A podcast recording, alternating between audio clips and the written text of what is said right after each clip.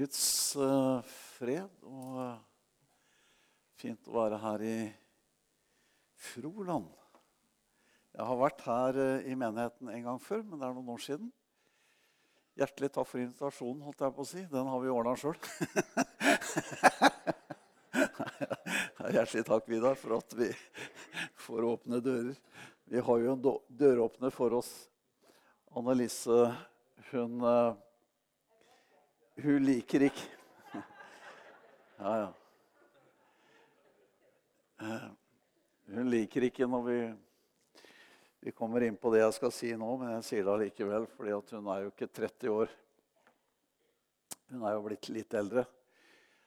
Eh, men det er veldig mye kraft og energi fortsatt. Og det at hun nå liksom eh, samler krefter og Hørte i går her var det masse mennesker og masse sanger og musikere. Og jeg vet ikke om dere trodde dere var allerede en stykke av evigheten. Men det tok jo slutt en gang, skjønte jeg.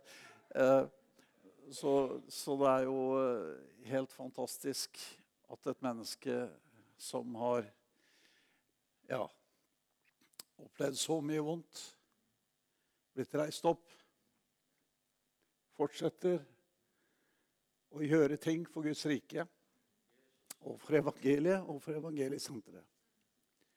Så ennå er det håp, heter bladet vårt. Og det er vårt motto. Fordi at vi tror der hvor andre slutter, så fortsetter vi å tro. Og det er jeg veldig glad for at vi har det sånn. Jeg skal si litt i kveld som eh, ligger på hjertet. Så hjertelig tusen takk, Annelise, for at du gjør denne store jobben. For at vi får komme hit ned. Ja, i like måte. Men allikevel så er det en jobb som skal gjøres, og vi får takke deg for den.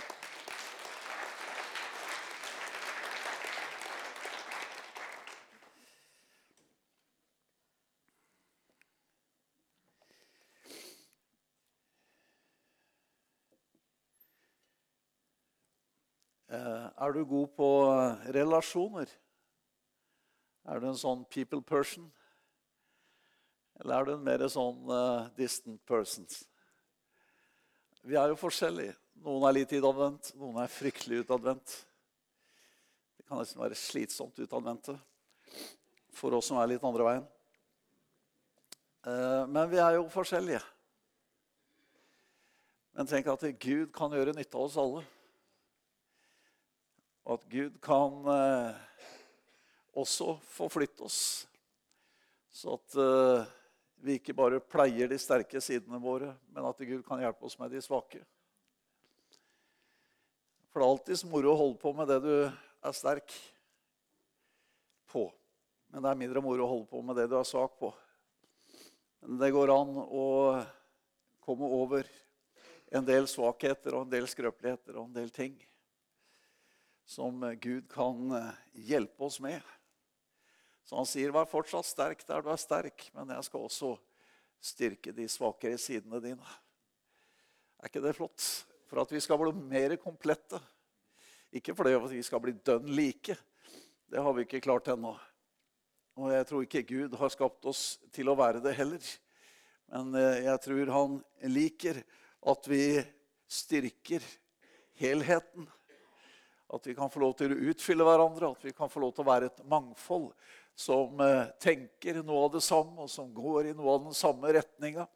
Og som opplever at når vi gjør det, så oppnår vi noe i Gud og for Gud. Og sammen med Han og sammen med hverandre, som er verdifullt. Og så kjenner vi det at eh, det her, det skulle vi gjort for lenge siden, og det her må vi gjøre mer av. Det var ikke det jeg skulle preke om, men jeg ble inspirert til å si det. Jeg er jo en sånn type som er veldig rolig i utgangspunktet. Men jeg kan også plutselig få et annet gir. Så hvis det skjer i kveld, så ta det helt med ro. Jeg kommer alltids ned igjen.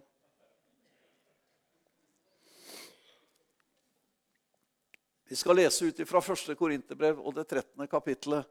Og nei, vi skal ikke ha noe vielse her i kveld. Det er gjerne et skriftsted som blir brukt i den forbindelsen. Men det kan også brukes i andre forbindelser, akkurat som det møtet her i kveld. Og Vi skal lese fra vers 4 i 1. Korinterbrev og det 13. kapitlet. Og det står slik i Jesu navn. Kjærligheten er tålmodig. Den er vennlig. Kjærligheten er ikke misunnelig. Kjærligheten skryter ikke, er ikke oppblåst. Den oppfører seg ikke umoralsk, søker ikke sitt eget, lar seg ikke opphisse, tenker ikke ut noe ondt. Den gleder seg ikke over urett, men gleder seg i sannheten. Den tåler alt, tror alt, håper alt, utholder alt. Kjærligheten faller aldri bort. Avslutter der, og så leser vi vers 13. Så blir de da stående, disse tre tro, håp og kjærlighet. Men den største av dem er kjærligheten. Det er jo litt rart at det som er størst, blir sist nevnt.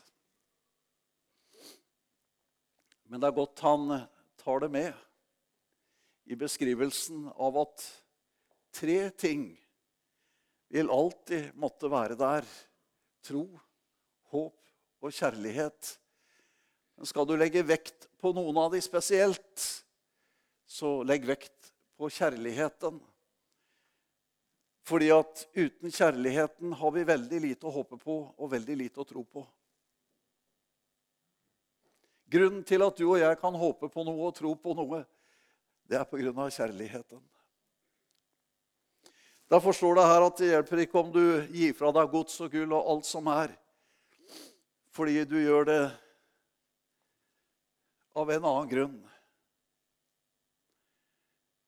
Hvis du ikke har kjærlighet, så blir det ingenting.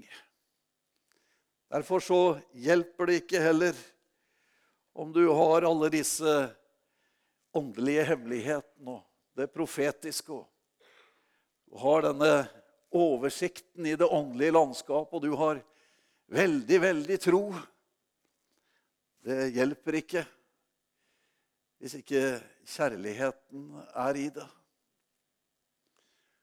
Jeg har møtt underveis og vi kan komme dit, noen og enhver av oss også, at vi er så troende at vi mangler kjærlighet.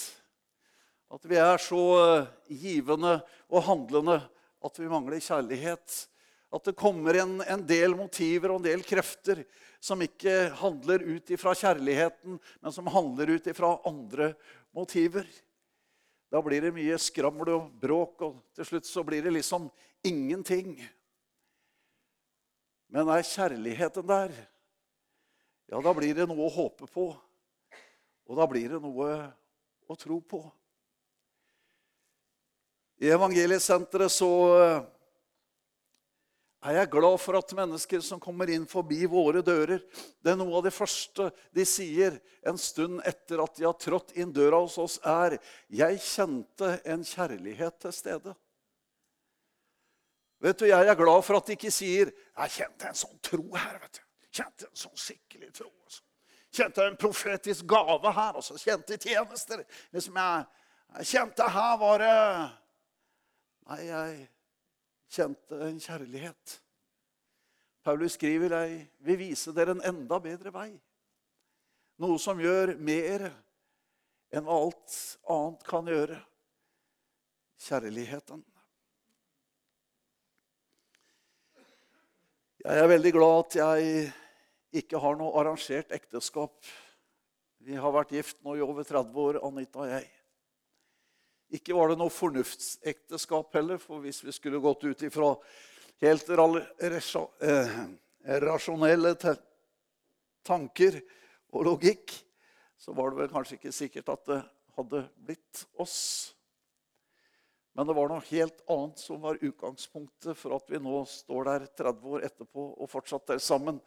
Det er noe som heter kjærlighet. Og det er ikke det at du ikke trenger å være rasjonell og logisk underveis i ekteskapet. For det hender noen ganger at du må være det. Men Det viktigste av alt er Og det er ikke sånn at når vi eh, ga hverandre vårt ja, så er det liksom Ja, shake hands on this project, liksom. Denne avtalen vi har, og dette prosjektet, livet, ekteskapet vi skal ha. Det skal bli spennende å følge med deg og meg hvordan dette prosjektet vårt går. Nei, det er liksom uh, uavhengig av hvordan ting går, så er det noe som alltid vil være der imellom oss. Og det er kjærligheten. Derfor har vi håp allikevel. Vi har tro allikevel. Når disse tunge dagene kommer, når de veldige dagene kommer Uansett åssen dagene kommer, så er det noe som gjør at vi har grunn til å både håpe og tro, fordi at det er kjærlighet til stede. Ja, men vi trenger å tro er jo en fundament i dette kristne livet. Ja da, det er det for den som tror. Men jeg vil si at enda større er kjærligheten, for det er det som gir oss grunn til å tro. Det er det som gir oss grunn til å håpe. Tenk hvis ikke kjærligheten var i denne verden. Hva er det som er mangel i denne verden? Hvorfor går det så mange håpløse rundt? Hvorfor går det så mange mennesker uten tro, uten tillit, uten relasjoner? Hvorfor er det så mange som frykter og er i uro og tenker tunge tanker? Unge mennesker i dag sliter mer enn noen gang i dette flotte landet her. Hvorfor ser det sånn ut? Vi har jo så mye så vi kunne gitt bort halvparten uten å bli fattigere. Vi har jo så mye kunnskap. Vi har jo så mye i denne verden. Alt ligger til rette for at dette skal gå bra. Mangler du kjærligheten, så får du ikke noe å håpe på. Og du får heller ikke noe å tro på. Men derfor sendte Gud sin enbårne sønn for at hver den som tror på ham, ikke skal fortapes, men ha evig liv. Du skal ikke miste livet. Du skal ikke miste noe. Du skal få alt i den Herre Jesus Kristus. Alt hva du behøver, alt hva du trenger, det skal du få i Jesus Kristus. Han er sendt ifra Gud til deg og til meg for at vi skulle komme ut av håpløshet, ut av fattigdommen, ut av alt det som tynger oss og knuger oss, og som gjør oss urolige og fryktsomme. Han kom for å gi oss liv og overflod. Halleluja. Kjærligheten tar aldri slutt. Det står her i begynnelsen av vers 8 Kjærligheten faller aldri bort. Vet du det at en dag så blir tungetallen borte? En dag så blir disse profetiske, disse gavene, alt dette her som vi liksom Det blir borte. Men det er én ting som aldri forsvinner. Det er kjærligheten. Hvorfor forsvinner ikke den? For Bibelen sier, 'Hvem er kjærlighet?' Gud er kjærlighet. Han er der alltid. Kommer alltid til å være der. Guds kjærlighet til deg og meg og til ethvert menneske. Det ble meg fortalt, jeg tror var Stian Ludvigsen som driver Evangeliesenterets kontaktsenter i Oslo, som, som, sa det første gang han hadde sett Jeg tror det var en plakat på en buss om et lite barn. Det var mange år siden han hadde sett det. Det var på den tiden hvor hiv-virus var en ikke helt utforsket ting. Og det råda stor frykt og usikkerhet rundt dette med hiv. Så var det et barn som ble født, og det barnet som kom til verden, det hadde hiv allerede i seg. Så når det skulle tas hånd om, så måtte de ha sånne sikre soner, og de som skulle håndtere barnet, de måtte ta på seg forskjellige kledninger og ting, og de skulle liksom, det var smittefar, og det var alt mulig rart, og de måtte håndtere dette barnet da på den måten. Så viser det seg et stykke frem at dette lille barnet, det dør. Og så finner de ut at det barnet, det dør ikke av hiv. Men det barnet, det dør av mangel på nærhet og kjærlighet. Alle hadde distanse til det lille barnet. Alle hadde på seg noe i frykt for et eller annet som kunne være farlig. Hvor viktig er ikke relasjonen og nærheten og kontakten og kjærligheten? Den er fundamental og grunnleggende for liv, for mennesker. Nå kan det jo synes som at Gud brøyt relasjonen med mennesket i Edens hage med Adam og Eva. Men det var jo Adam og Eva som gikk og gjemte seg. Det var de som skjønte at her hadde de brutt noe.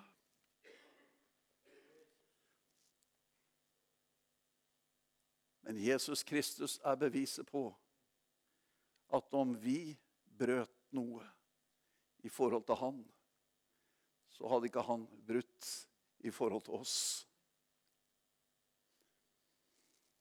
Så Guds tanke var, i all den skuffelsen det måtte være over mennesket som ikke klarte det helt enkle å holde seg unna, så hadde Gud en lang og god, evig frelsesplan for hvert eneste menneske. Derfor var han villig til å gi. Gi det mest dyrebare han hadde, sin egen sønn Jesus Kristus. For at ethvert menneske igjennom han skulle få relasjon til Gud, vår Far i himmelen. Jesus han er både veien, han er sannheten og han er livet. Jesus han er veien til Gud. Han er sannheten om Gud, og han er livet i Gud. Og så står det noe enda viktigere etterpå. Ingen kommer til Faderen uten ved meg, sier han. Uten ved meg. Det fins én vei, og den har Jesus bana for deg og meg da han døde på korset og ga sitt liv og sitt blod for mine og dine misgjerninger og synder og overtredelser.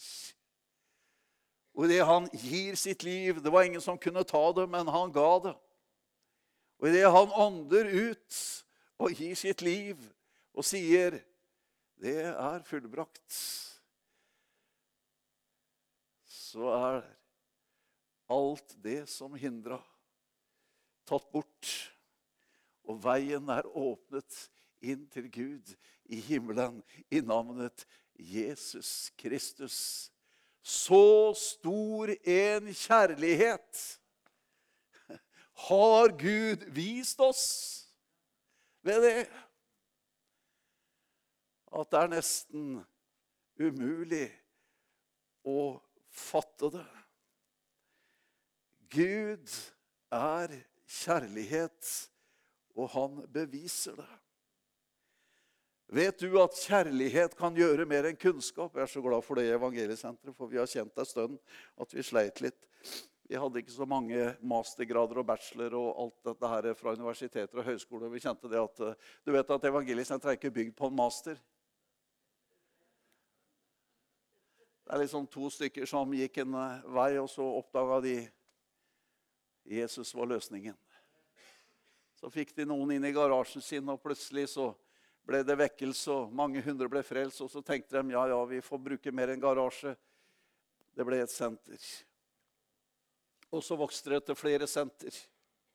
Og at jeg på å si, En mastergrad hadde ikke fått til det engang. Hadde ikke tenkt tanken.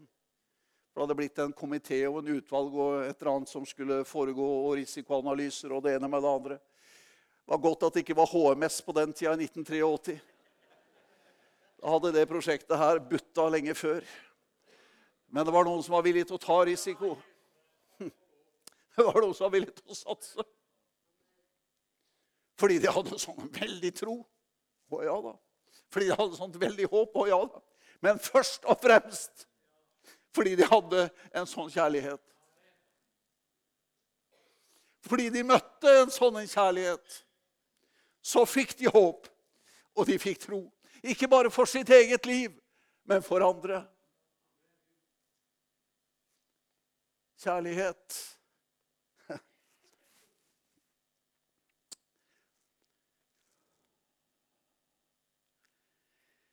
Den overgår all kunnskap i Feserne 3. Det ikke kloke hoder og all menneskelig visdom kan stable på beina, det kan allikevel kjærligheten gjøre. Så det er ikke rent få saksbehandlere på Nav og i gamle dager kalt sosialkontor som plutselig fikk et menneske inn døra som de ikke hadde sett før. Før vedkommende sa navnet sitt, og så sa de 'Det er ikke deg'. Du så ikke sånn ut. Du snakka ikke sånn. Du, var, du, oppførte deg ikke sånn. Nei, men her er jeg. Jeg heter det samme, men jeg er ikke den samme. Nei, det ser jeg jo. Hva er det som er skjedd? Jeg har møtt en. Han heter Jesus. Han har forandra mitt liv.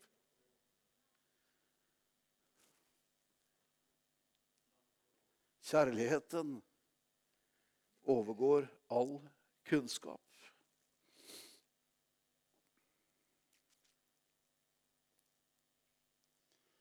Jeg er veldig glad for at Jesus med så mye mennesker rundt seg av og til kjente behov for å trekke seg aleine.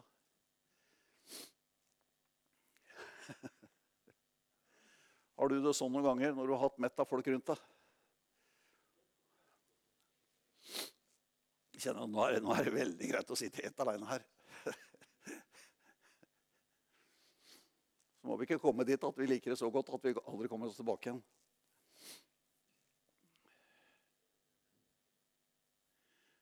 Det er noe med relasjon med mennesker. Så er det noe med relasjon til Gud. Det er noe du får alene med Gud som du ikke får når du er sammen med andre. Og så er det noe du får sammen med andre og med Herren som du ikke får når du er aleine. Så det er vel ingen av oss som i prinsippet er verken skapt eller ment til å være alene.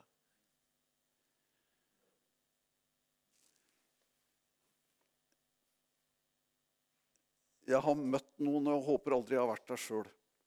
Det får jo andre uttale seg om.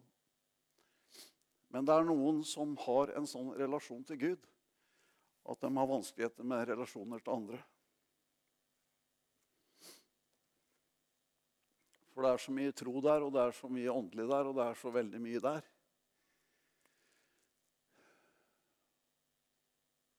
At jeg er snart aleine om å skjønne og begripe og vite og kunne og mene og tenke og ha et forhold til Gud. Dit må vi jo absolutt ikke komme. At vi lever i en sånn type relasjon til Gud. At vi virker lite attraktive overfor andre mennesker. Jesus han hadde alt sammen. Men det var heller ingen som kunne gå inn blant mennesker som Jesus uten å rette en eneste finger, bare sitte der og spise. Bare å være til stede. Syndere og tollere. De likte å være i nærheten av Jesus. Jesus han var inne hos en fariseer på et måltid også. Men selv der kom den synder inn. Trengte seg inn i det gode selskapet. Kvinnen som hadde opplevd at Hun hadde fått sine synder forlatt. Og som tok denne fine olja og smørte på Jesus. Først så gråt hun så snørr og tårer rant, og tørka føttene hans med håret sitt. Og så tenker disse gode herrer rundt spisebordet at i all verden tillater denne kvinnen en sånn type oppførsel midt i måltidet her. Og for det andre, Han bør jo vite hva slags kvinne dette er snakk om. Jesus skjønte tankene deres. Så dro han en liten historie om en som skyldte lite, og en som skyldte mye. og Begge fikk dratt av gjelda. Så spurte han hvem tror du var mest takknemlig for at gjelda ble strøken? Han som hadde stor eller liten? Han som hadde stor. Så det er litt logikk i ting også. Og så peker han på kvinnen og så sier grunnen til at hun er her, det er at hun har tilgitt sine mange synder. Og den som er tilgitt mye, den elsker mye.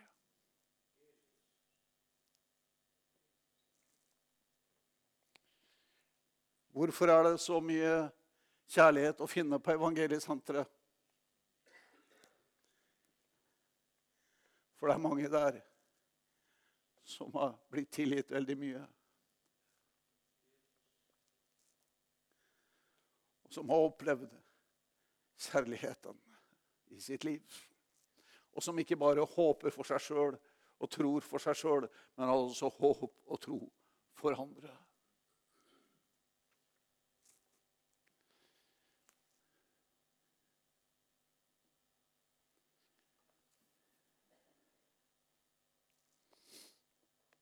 Vi er jo underveis. Er vi ikke det? Eller kjenner du at du har fullført hele løpet?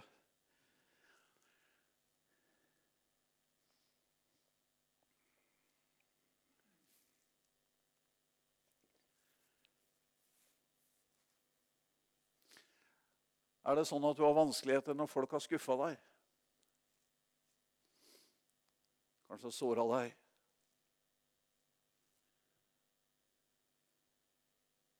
Brutt noe i relasjonen eller gjort noe?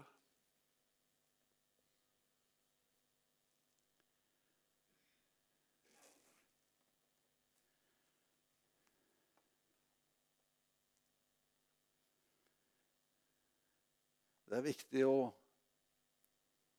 kunne tilgi. Det er viktig å løftes litt opp og se noen perspektiver som ikke bare handler om meg, men som handler også om en del andre, og ikke minst Gud. Noen ganger så kjenner jeg at jeg har hatt veldig god grunn til å kjenne meg skuffa på mennesker. Og Noen ganger så kjenner jeg at det har sittet litt godt og langt inne. og du må jobbe med det. Enkelte ting kan jeg snu meg rundt, og så er det glemt. Og folk prøver å minne meg på ting som er gjort. Og de kommer med hånd og tenker at det, det var et eller annet som var blitt gjort en eller annen gang. Jeg husker ikke. Men det er noen ganger at noen ting henger litt mer i. Jeg kjenner at jeg får lov til å overlate det til Herren.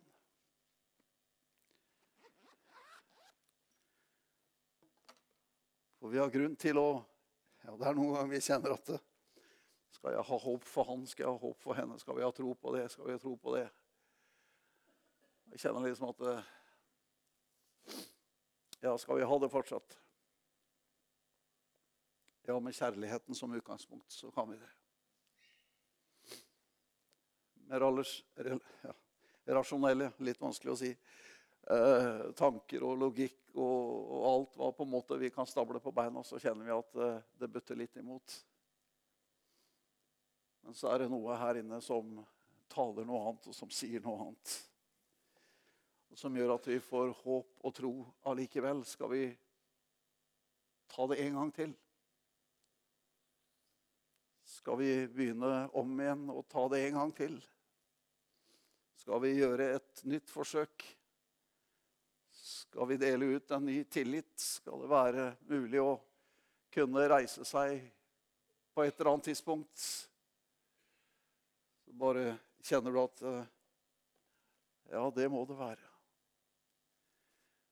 Det må være muligheter til å begynne om igjen. Til å få en ny sjanse. Til å få en ny tillit. Det er noen som sier at du er tilgitt, men du må jobbe med tillit, og det er greit. Jeg tenker at det er viktig at vi har i våre tanker og våre miljøer rom for kjærligheten på en sånn måte at vi virkelig kan håpe og tro.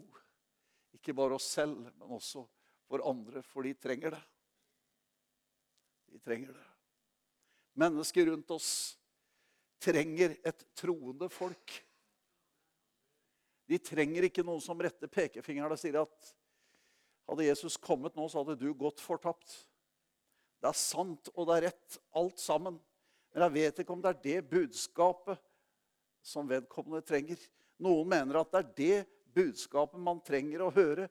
Og jeg er ikke uenig i at den sannheten trengs å legges på bordet. Men det kan hende også at noen kunne si 'Jeg har tro på deg'. For du skjønner, Når de kommer inn på evangeliesenteret hos oss, så sier ikke vi 'Hadde ikke du kommet her nå, så hadde du gått fortapt'. Jeg trenger ikke å si det engang, for det skjønner de intuitivt før de kom. At løpet kunne vært kjørt, og det kunne gått ordentlig gærent. Og de vet heller ikke hvordan det hadde gått i forhold til evigheten. Jeg er jo ikke der for å først og fremst komme med sannheten. Jeg er jo der først og fremst for å komme med nåden og kjærligheten. Godt du kom. Ja, etter nåden så kommer jo sannheten. Da tåler de den lettere. Men hvis de ikke møter nåde og kjærlighet, så blir sannheten nådeløs. Har du møtt noen sånne nådeløse sannheter? Det smeller fryktelig. Men når du får møte nåden og kjærligheten, så er det nesten ubegripelig hva sannhet du kan tåle. Så gjør det noe med deg, og så flytter det deg.